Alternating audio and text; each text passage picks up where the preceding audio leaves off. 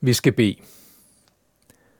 Kære Jesus, vi takker dig for, at du har givet os dit ord, at du ikke har efterladt os i tavshed, men at du har talt, og at dit ord er lys. Vi beder om, at det så må kaste lys ind over vores liv, både over hvem vi er, men også over den vej, du vil, at vi skal gå. Amen. Prædiketeksten i dag er fra Lukas evangeliet, kapitel 22, fra vers 24 til 32. Apostlene kom også i strid om, hvem af dem, der skulle regnes for den største. Der sagde Jesus til dem, Folkenes konger hersker over dem, og de, som udøver magt over dem, lader sig kalde velgørere. Sådan skal I ikke være. Men den, den ældste blandt jer skal være som den yngste, og lederen som den, der tjener. For hvem er størst? Den, der sidder til bords, eller den, der tjener? Er det ikke den, der sidder til bords? Men jeg er blandt jer som den, der tjener. Jeg er det, der er blevet hos mig under mine prøvelser, og ligesom min far har overdraget mig riget, overdrager jeg det til jer, for at I skal spise og drikke ved mit bord i mit rige, og I skal sidde på troner og dømme Israels tolv stammer. Simon, Simon, Satan gjorde krav på jer, for at sigte jer som hvide. Men jeg bad for dig, at din tro ikke skal svigte, og når du engang vender om, så styrk dine brødre. Vi sammenligner os med hinanden. Sådan har det været lige siden Kain blev misundelig på sin bror Abel og slog ham ihjel. Sønnen begynder med en tanke, som man giver plads i sit sind. Man leger med den. Man nyder at tænke på den. Det er med sønnen ligesom med en graviditet. Den begynder som en ganske lille ting inde i os. Så vokser den, og når den kommer frem, er den ikke så lille endda. Kain var Evas første fødte. Han syntes, at både Abel og Gud burde anerkende det. Han følte ikke, at han fik den anerkendelse, som han var berettiget til. Så gik han med bøjet hoved, og han blev mørk i sindet. Han ruede over sine mørke tanker. Og da han fik en anledning til det, slog han sin bror i hovedet med en kæp eller en sten. Lige i den situation synes han, at det var berettiget. Han var blevet sat til side, syntes han. Han var blevet uretfærdigt behandlet. Så slog han Abel ihjel. Sådan går det ofte for os. Ind i vores stille sind leger vi med lysten til synd. Eller med vreden. Vi føler, at vi har ret til at gøre det. Samvittigheden siger os godt nok imod. Men så undertrykker vi samvittigheden. Vi forhærder os imod samvittigheden. Det giver os frimodighed til at lege videre med lysten eller med vreden, selvom vi inderst inde godt ved, at det er forkert. Vi glæder os over, at ingen andre end vi selv kender vores tanker, eller rettere, vi tror, at ingen kender vores tanker. Men der tager vi fejl. Gud spørger Kain i 1. Mosebog kapitel 4, Hvorfor er du vred? Hvorfor går du med sænket hoved? Gud spørger ikke for at få noget at vide, for han kender svaret på forhånd. Men Gud ønsker, at Kain skal stoppe op og vende om, før det bliver for sent. Gud siger, Sønnen begærer dig, men du skal herske over den. Det afslører, at begæret går begge veje.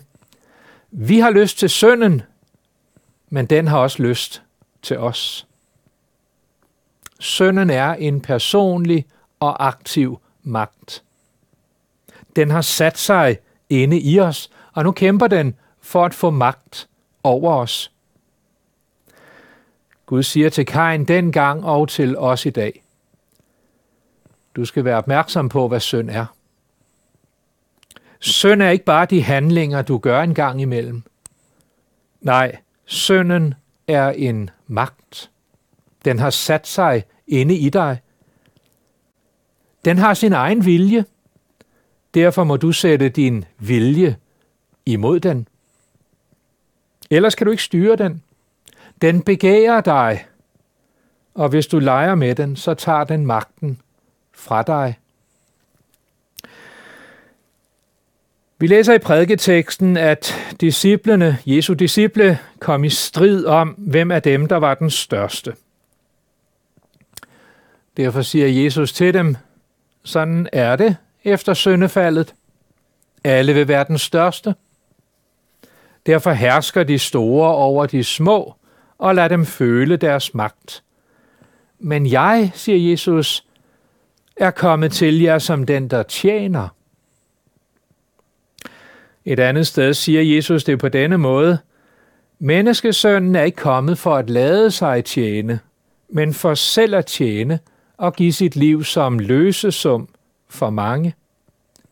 Matthæus 20, 28. Ordet Guds tjeneste betyder egentlig ikke, at vi er samlet for at tjene Gud, men at han kommer for at tjene os. Guds søn er kommet til jorden for at give sit liv for vores sønder og for at åbne himlen for os. Og når vi samles til Guds tjeneste, er det ham, der kalder os sammen. Han gør det, fordi han vil give os noget. Han vil give os sig selv og søndernes forladelse og det evige liv. Derefter kalder han os til at gå ud fra gudstjenesten og tjene hinanden de næste seks dage. I Johannes evangeliet 13 viser Jesus os det med et billede. Han vasker disciplenes fødder. Så siger han, Når nu jeg, jeres herre og mester, har vasket jeres fødder, så skylder I også at vaske hinandens fødder. Jeg har givet jer et forbillede, for at I skal gøre, ligesom jeg har gjort mod jer. Johannes 13, vers 14 og 15. Kristendom begynder med, at vores Herre og Mester bøjer sig ned og tjener os. Ja, mere end det, han går i døden for os. Det er det første, vi skal høre. Vi skal betragte det. Vi skal fordybe os i det. Så trænger det ind og sætter sig i os. Gud blev menneske for at tjene mennesker. Det er fortsat ham, der er Gud. Han er vores herre, han er vores mester. Men i sin kærlighed bøjer han sig helt ned og bliver vores tjener. Ligesom en mor slider og slæber og udholder både det ene og det andet af hensyn til sit lille barn. Guds tjeneste det er Gud, der tjener os. Men når det er sagt, så er han fortsat vores Gud. Vi kan ikke koste rundt med ham. Han bestemmer. Men han gør det på samme måde, som en mor bestemmer over sit lille barn. Han bestemmer over os i kærlighed. Gud siger nej til nogle ting. Det er ligesom en god og kærlig mor, ofte må gøre, når hendes barn er på forkerte veje. Så giver Jesus os nogle opgaver. Det gør en mor også. Hun gør det for at lade barnet vokse i erfaring og modenhed. Jesus siger, i skal efterligne mig. Ligesom en mor viser sit barn, hvordan kopperne skal vaskes op eller skraldebøtten skal tømmes, hun går foran, og så må barnet følge bagefter. Sådan gør Jesus. Hebræerbrevet siger om Jesus, at han blev menneske for at han med sin død skulle gøre ham magtesløs, som har dødens magt, nemlig djævlen, og befri alle dem, som er frygt for døden, hele livet igennem havde været holdt nede i trældom. Det er Hebræerbrevet kapitel 2, vers 14 og 15. Sådan har Jesus tjent os. Han har besejret synden, døden og djævlen for os. Dermed har han revet os ud af slaveri, men han gør mere end det. I dagens prædiketekst siger Jesus, Ligesom min far har overdraget mig riget, overdrager jeg det til jer. Da Jesus kom til jorden, gik han ind i djævelens rige. Jesus siger, at djævelen er denne verdens fyrste. Men da Jesus døde på korset, der blev denne verdens fyrste jaget ud. Jesus gjorde ham magtesløs. Han rev riget ud af djævelens klør, og nu overdrager han os dette rige, siger Jesus. En gang skal vi spise og drikke ved hans bord i hans rige. Men allerede nu er vi revet ud af mørkets magt, og vi er flyttet over i Guds elskede søns rige. Sådan siger Paulus i Kolossenserbrevet 1. Endnu ser vi ikke dette rige i dets fulde herlighed. Men det vil vi komme til en gang. Når Jesus kommer tilbage til denne jord i herlighed, der skal vi se ham, som han er. Der skal vi se hans rige i herlighed. Umiddelbart før dagens prædiketekst har Jesus indstiftet nadveren. Da han hælder vin op til disciplene, siger han, fra nu af skal jeg aldrig mere drikke vintræets frugt, før Guds rige kommer. Og i selve prædiketeksten siger han, I skal engang spise og drikke ved mit bord i mit rige. Ved troen på Jesus er vi allerede nu i dette rige. Men først en gang, når han kommer igen, skal vi både se og mærke, både spise og drikke ved Jesu bor i hans rige. Det er et stort og herligt løfte. Jesus vandt dette rige til os, da han besejrede djævlen. Vi skal ofte minde os selv og hinanden om både troen på Jesus og håbet om himlen. Troen retter sig mod søndernes forladelse, håbet retter sig mod det, der kommer, himlen, paradis på ny. Begge dele vandt Jesus til os, da han besejrede djævlen. I gudstjenesten, i forkyndelsen og i Bibelen kommer Jesus til os og rækker os søndernes forladelse og himmeriget. Det skal vi lytte til.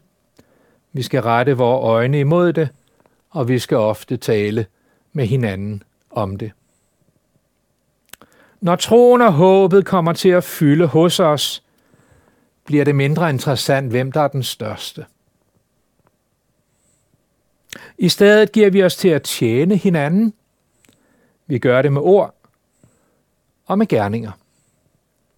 Vi taler om Jesus til hinanden. Vi forkynder troen og håbet for hinanden. Og vi hjælper og støtter hinanden med tid, med penge, med kræfter. Vi vasker hinandens fødder. Nå ja, måske har de andre ikke lige brug for fodvask. Måske har de mere brug for hjælp med opvask. Eller indkøb eller klipning af hækken. Vi må hjælpe der, hvor der er behov. Og så er vi på vej mod et rige, hvor vi skal sidde til bord sammen med Jesus. Det bliver som Esajas forudsiger det, et festmåltid med fede retter og lagret vin. Esajas 25:6. Vi er arvinger til himlen. Jesus har vundet det til os, så har vi råd til at dele det med andre, som vi har her og nu. Vi behøver ikke kæmpe om at være den største. Vi skulle hellere være stor på samme måde, som Jesus er det, nemlig ved at tjene de andre. Selvom djævlen er slået og kastet ud, så er han endnu ikke kastet i helvede. Det sker først på dommedag, når både mennesker og ånder skal træde frem foran den himmelske dommer. Djævlen ved godt, at den dag kommer. Johannes skriver i åbenbaringsbogen, at djævlen raser, fordi han ved, at hans tid er kort. Åbenbaringsbogen 12.12. Her i dagens prædiketekst ser vi en af djævelens taktikker. Han får Jesu disciple til at skændes om, hvem der er størst. Det er nu ikke så vanskeligt for djævlen at få dem til det, for der bor en hovmodig ånd inde i os alle sammen, lige siden syndefaldet. Derfor er vi lette at friste. Jesus siger til Simon Peter, at djævlen, eller Satan, som han også hedder, gjorde krav på jer for at sigte jer som hvide. Her trækker Jesus forhænget lidt til side, så vi kan se ind i den åndelige verden. Så ser vi, hvordan Satan trådte ind foran Gud og gjorde krav på Jesu disciple. På en måde havde Satan en god sag. De var jo syndere. Han kunne pege på deres synd, og så kunne han sige, de tilhører jo mig, så lad mig få dem, sagde Satan. Her ser vi ham som den store anklager ved Guds domstol. Men ved siden af anklageren står forsvareren. Ham ser vi også, nu vi kigger ind bag forhænget. Det er Jesus. Han fortæller Peter, hvad der også skete. Jeg bad for dig, for at din tro ikke skal svigte. Nytestamente minder os gang på gang om denne virkelighed. Paulus beskriver det sådan i Romerbrevet 8:34. Hvem vil fordømme? Kristus Jesus er død, ja endnu mere, han er opstået og sidder ved Guds højre hånd, og så kommer det, går i forbøn for os. Jesus går i forbøn for os op i himlen. Johannes skriver det sådan i sit første brev, kapitel 2. Hvis nogen sønder, har vi en talsmand hos faderen, Jesus Kristus, den retfærdige. Jesus er vores talsmand, eller forsvarer ved den himmelske domstol. Djævlen er vores anklager. Han peger på vores synd. Men så træder forsvareren frem. Han peger på sit eget son, offer for synden. Det afgør sagen. Dommeren afviser djævelens anklage mod os. Gud frifinder os for Jesus skyld. Vi skal minde os selv og hinanden om, hvad der sker bag forhænget. Djævlen anklager os for synd, men så fortæller vores forsvarer, at han har både, båret både synden og straffen i stedet for os. Jesus og vi har byttet plads. Det stiller dommeren tilfreds.